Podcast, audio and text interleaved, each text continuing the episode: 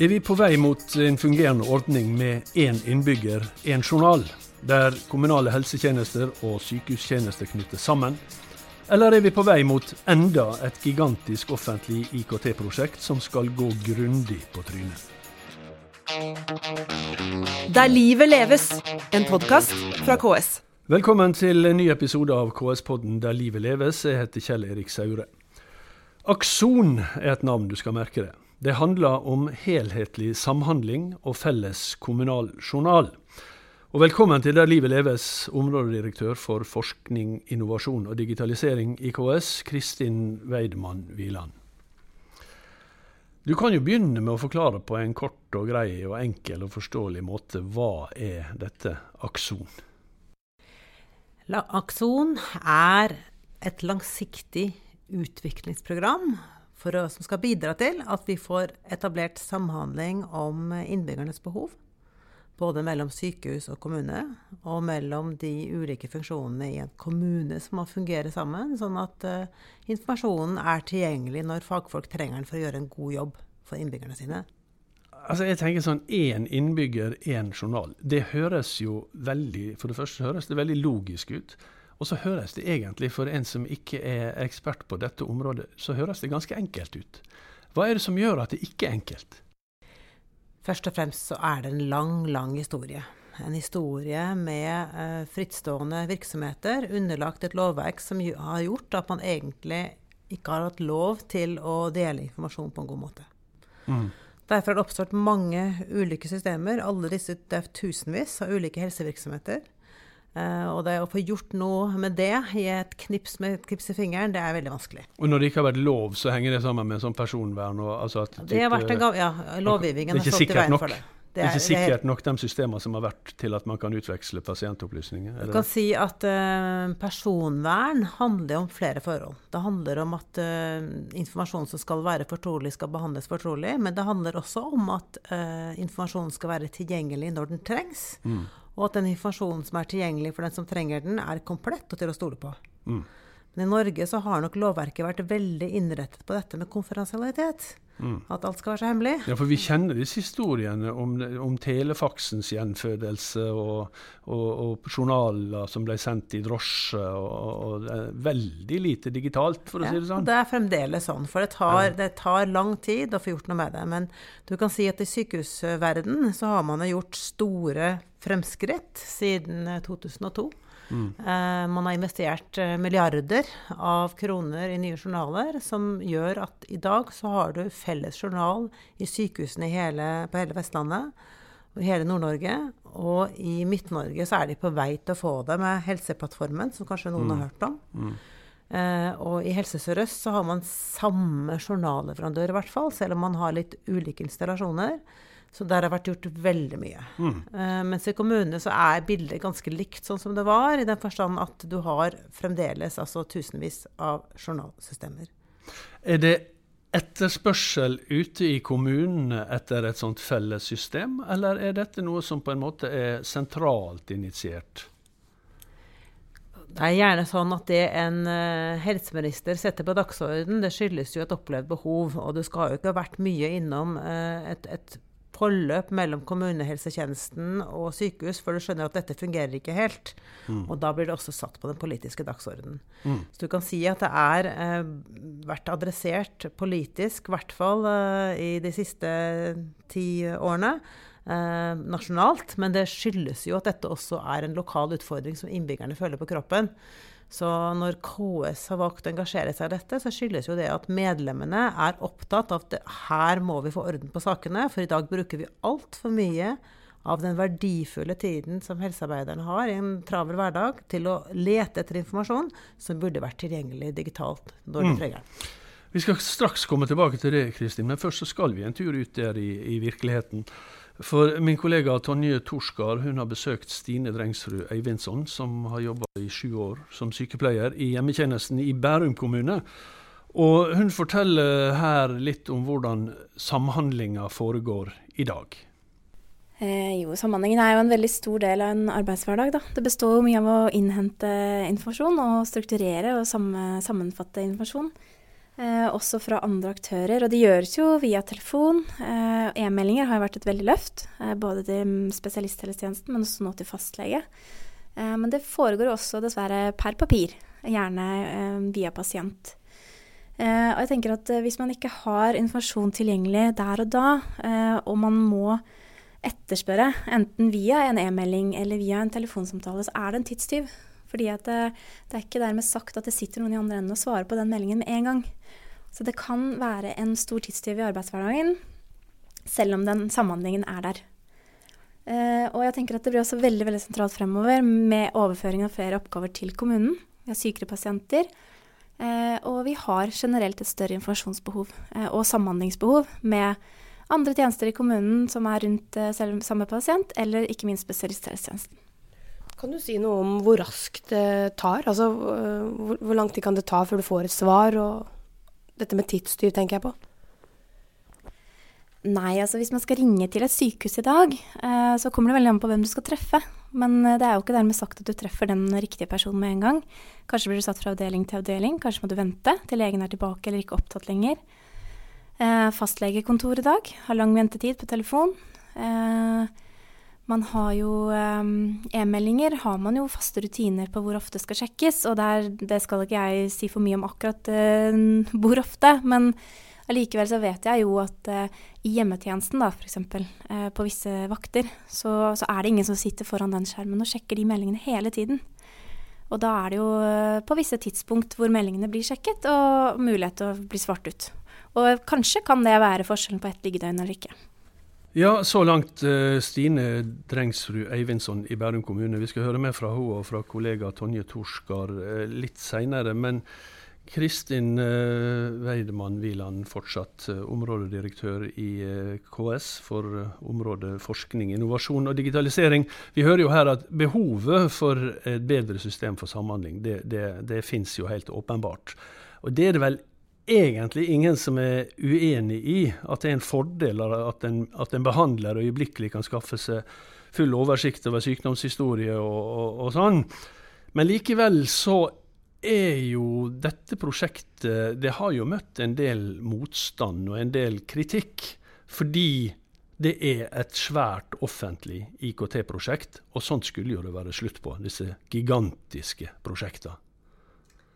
Ja, for det første så vil jeg jo si dette er som sagt et langt utviklings- og endringsløp. Som vi skal ta gradvis, stykkevis og delt. Eh, det er klart at det å legge til grunn såkalt smidig utvikling, hvor man på en måte eh, deler elefanten opp i mindre stykker, eh, det har vært helt avgjørende for i hvert fall det som KS har vært opptatt av. Jeg opplever at en del av det som har stått i media, har vært kanskje litt prematurt og litt sånn misforstått. Eh, tabloidisert, sånn som det ofte blir. Mm. Eh, og man har egentlig ikke tatt inn over seg de føringene som har vært lagt for dette utviklingsprogrammet, da, for å kalle det det. Men en del av disse kritikerne er jo ganske altså Det har jo vært både fra leverandørsida og fra eh, for så vidt fra, fra, Oslo kommune har jeg jo sett noe kritikk. Og kritikken har jo nettopp gått på at det, det er for stort. Men er ikke det så stort? Nei, er det sant? det du sier? Oslo kommune er eh, en av de som støtter forprosjektet økonomisk, og er veldig opptatt av å få dette til på en god måte. Eh, men det er klart at hvis du blir spurt, sånn som eh, man blir spurt om, eh, hva, hva, synes du om et prosjekt til 11 milliarder som du får om ti år? Mm. Da ville jeg svart at det høres ikke klokt ut. Da ville jeg tenkt meg godt om. Ja. Men det er jo nettopp det å sørge for at vi ikke får et stort prosjekt som kanskje leveres om ti år, som er det vi jobber for. Mm. Så, um, det Betyr det at det skal leveres stykkevis og delt, at det skal leveres i holdt på å si, moduler? Eller, altså det, det, dette må deles opp, både funksjonelt mm. og hva man innfører til enhver tid, og også hvordan det innføres geografisk, så du får få, eh, prøvd det ut sånn at det virker før du på en måte går løs på neste stykke. Det er ikke noen annen måte mm. å gjøre det på, og det er alle enige om. Og så vil jeg si det er en del andre ting også man har vært opptatt av. Um, noen har vært veldig redd for en stor, uh, lukket løsning som på en måte skal løse alt. Mens uh, faktisk er det sånn at i departementets krav til prosjektet, så har de vært veldig opptatt av både åpne standarder, sånn at du tilrettelegger for fremtidig innovasjon for alle som vil hekte seg på. Og man har vært opptatt av at dette skal være en, eh, skal si, et løp som tilrettelegger for god konkurranse. Så det er ganske mye av det som kritikken har tatt opp, som egentlig uh, er i strid med føringene for det forprosjektet. som Forprosjektet jobber jo egentlig bare med å anbefale en gjennomføringsstrategi for hvordan vi skal gyve løs på, det, på de videre trinnene på veien. Mm. Så, det, så, her skal man ikke tegne jeg hadde sånn sagt, én svær kontrakt med ett med én leverandør da, som skal levere hele systemet, og så skal det være likt overalt? Det som eh, man gjør nå, er å eh, ha et forprosjekt for en eh, gjennomføringsstrategi for hvordan disse tingene skal realiseres. Og hva som vil bli anbefalt der, det er jo altfor tidlig å si noe om. Mm. Men eh, som sagt, føringen er at dette skal være stykkevis og trinnvis og åpne standarder, mest mulig konkurranse. Så jeg håper jo at det er det som ligger til grunn for de anbefalingene mm. som kommer en gang. Det er vel slutten av februar at uh, dette skal leveres. Mm.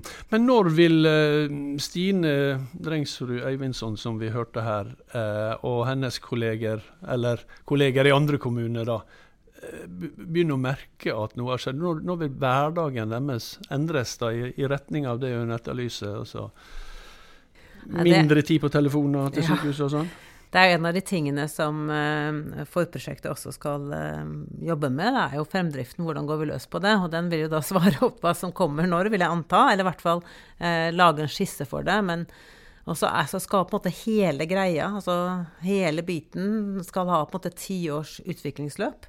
Mm. Og det høres jo forferdelig lenge ut. Men det gjør jo det i denne men, digitale eh, tidsalderen. men hva er på en måte alternativet? Altså det som Jeg hørte Herlof Nilsen, som jo er eh, administrerende direktør i Helse Vest, ja.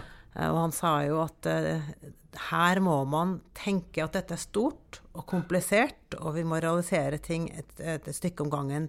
Det er det vi har erfart i sykehusverdenen, og de har jobbet nå 17 år og er ikke i mål. Men mm. alternativet til å jobbes i fellesskap og systematisk med dette, hva er det? Det er å fortsette der vi er i dag, hvor alle er på en måte overgitte seg sjøl og i hvert fall ikke lykkes med samhandling. Mm. Så det som vi egentlig gjør nå, er å gripe an oppgaven sammen og samordnet, sånn at vi eh, prøver å gjøre riktig den ressursinnsatsen vi legger, for å langsomt bevege oss mot en mer bærekraftig mm. hverdag hvor helsetjenesten samhandler på en helt annen måte enn det vi gjør i dag. Mm. Du, du, du, sa sjøl at, uh, at, uh, at, disse systemene, samhandlingssystemene i kommunene er fragmentert. Mm. Både innenfor hver kommune og mellom kommunene. Hvordan er, hvordan er interessen for å være med på dette ute i kommunene? da? Altså det som var forut for forprosjektet, det var jo en, en, en konseptanalyse, konseptvurdering. Det har vært mange utredninger her, og eh, behovet er veldig tydelig dokumentert. Og den behovsbeskrivelsen for at her må noe gjøres, og det ønsker man å gjøre nasjonalt i fellesskap, den har vært veldig godt forankret i mm. kommunesektoren. Det er altså mange, mange utvalg både på politisk og administrativt nivå har vært med på det. Uh, og så tror jeg nå er man veldig spente på hva som kommer ut her. Hva blir egentlig anbefalingene? Mm. Men det som eh, de rådmennene som, eh, som, og også politikere som KS jo har dialog med, sier, er at det er i hvert fall én ting som er sikkert, at måtte hver for oss så, så, vil vi ikke kunne klare det. Vi trenger rett og slett et mer koordinert løp og en annen måte å gripe dette an på enn det vi har gjort så langt. Mm. Uh, og det skal jeg også lyst til å si, da det er at eh, selv ikke for leverandørmarkedet så er det jo en god situasjon det vi har i dag. Mm. For f.eks. For, for velferdsteknologileverandører. De har, veldig, de har utfordringer med å få såkalt skalert, altså få på en måte eh, stordriftsøkonomi i det de gjør. fordi at hver kommune så er på en måte oppsettet litt annerledes, og da betyr det at du må gjøre jobben litt på nytt og litt på nytt. Og da er det vanskelig å få økonomi i det, og når du får, ikke får økonomi i det, så får du ikke investert i forbedringer, og så har vi det gående. La oss høre litt mer fra, fra virkeligheten. Eh, Stine Drengsrud Eivindsson og kollega Tonje Torskar. En kommune kan ha fra fem til seks uh, ulike journaler, sier du, og hvilke konsekvenser får det? Eh, jeg tenker jo at først og fremst så er det jo Det utfordrer jo kanskje vår evne da, til å sette pasienten i fokus. Uh, også da internt i kommunen og mellom tjenesteområdene uh, vi har. for innbyggeren er jo i kontakt med flere av journalsystemene gjennom årenes løp, ettersom hvilke livshendelser man befinner seg i. Og innbyggere og pasient da, går jo på tvers av tjenestene, og nettopp på tvers av systemene. Eh, så pasienten vil jo oppleve at det er brudd på informasjonsrekken hele veien. Bare ta en eksempel fra hjemmesykepleien, som kunne være en ganske vanlig case, var jo f.eks. at en, si en, eldre dame da, som falt, gjerne med kognitiv svikt, og, og, hadde problemer med å gjøre rede for egen situasjon. Hvor mange mennesker eh, og ulike aktører som skal innom og få informasjon på den veien, fra hun faller til hun eventuelt er hjemme igjen. Eh, alt fra legevaktslege til eh, akuttmottak, ambulanse, sengeposter, alle undersøkelser på sykehuset, korttidsavdeling nettverksmøter, tildelingskontoret, fastlegen. Altså det er mange, mange aktører. Og alle steder trenger de informasjon. Og veldig mange av disse aktørene arbeider i forskjellige systemer. Så det å ha en samhandling og ha tilgang til felles informasjon, det sier jo seg selv. Da kan vi sette denne pasienten i fokus på tvers av tjenestene, og ikke satse på eh, en informasjonsoverføring, eh, gjerne via papir eh, eller e-meldingene underveis. Ja, um Stine Drengsrud Øyvindsson der, hun, eh, hun nevner spesielt eh, tre forhold. Eh, for det første at helsepersonellet raskt kan settes inn i pasientens forhold, altså spare tid. Eh, pasienten sin opplevelse, at pasienten kan slippe å svare på de samme spørsmåla om igjen og om igjen fra ulike behandlere. Og å sikre pasienten riktig behandling. Er, måte, er, er, disse tre punktene på en måte oppsummering av hvorfor Akson er nødvendig? Det er i hvert fall tre veldig viktige forhold. Ja. Uh, og i tillegg til dette med å sikre pasienten riktig behandling, så er det også å unngå altså feilbehandling. Det er kanskje to sider av samme sak, men ivareta pasientsikkerhet. Vi vet jo at legemiddelområdet er et Eh, det at vi ikke samhandler godt om hvilke medisiner en pasient bruker, det, det fører jo til liv og skade hver eneste dag i mm. Norge. Mm. Mm. Og det er utrolig viktig å få rett og slett uh, bedre samhandling om hvilke medisiner og medikamenter mm. en bruker eller en pasient ja. bruker. Mm det, fordi at VG, for eksempel, eller ikke VG for eksempel, men VG har de siste dagene kjørt en serie på eh, de har, Som de har kalt da følgende av, eh, av, eh, av, Samhandlingsreformen. Hvordan det har gått etter den, etter den reformen. Eh, og da har de sett på avvik i denne samhandlinga mellom spesialisthelsetjenesten, sykehusene og kommunehelsetjenesten. Og de har henta inn og analysert eh, 5230 slike samhandlingsavvik i 2018, som ble meldt inn, altså, der samarbeidet ikke har fundert. Og minst 3164, skriver avisa, slike avvik. Det handler om saker der pasienter som flyttes, mangler avgjørende eh, helseinformasjon, medisin og nødvendig medisinsk utstyr. Eh, dette tenker jeg er jo vel den utfordringa dere er nødt til å, å møte og løse. Dette skal Akson uh, bidra til. Uh, at vi, får at det blir bedre enn der situasjonen er i dag. Mm. Så jeg har lyst til å si det også, da, at uh, Samhandlingsreformen kom jo for at dette ikke fungerte. Mm. Så det er jo ikke sånn at situasjonen før Samhandlingsreformen var rosenrød. Mm. Altså, alle er vel enige om at, egentlig at reformen var god. men i dag så ser vi jo at kommunene har, får ansvaret for flere pasienter med sammensatte lidelser som mm. trenger hjelp. Og det gjør jo at uh, nettopp denne uh, samarbeidet på tvers av både forvaltningsnivå og internt i, i, den kommunale helse- og omsorgstjenesten må fungere enda bedre enn det den gjorde tidligere. For ellers så uh, er det rett og slett innbyggerne, pasientene, det går utover. Mm. Tusen takk skal du ha, Kristin Weidmann Wieland direktør for området forskning, innovasjon og digitalisering i KS. Takk også til Stine Drengsrud Eivindsson. KS-podden Der livet leves den er laga av Sindre Westerlund Mork, Tordenje Torskar og med Kjell Erik Saure. Og vi er tilbake med ny episode neste fredag, og det blir den siste i år. Der livet leves, en podkast fra KS.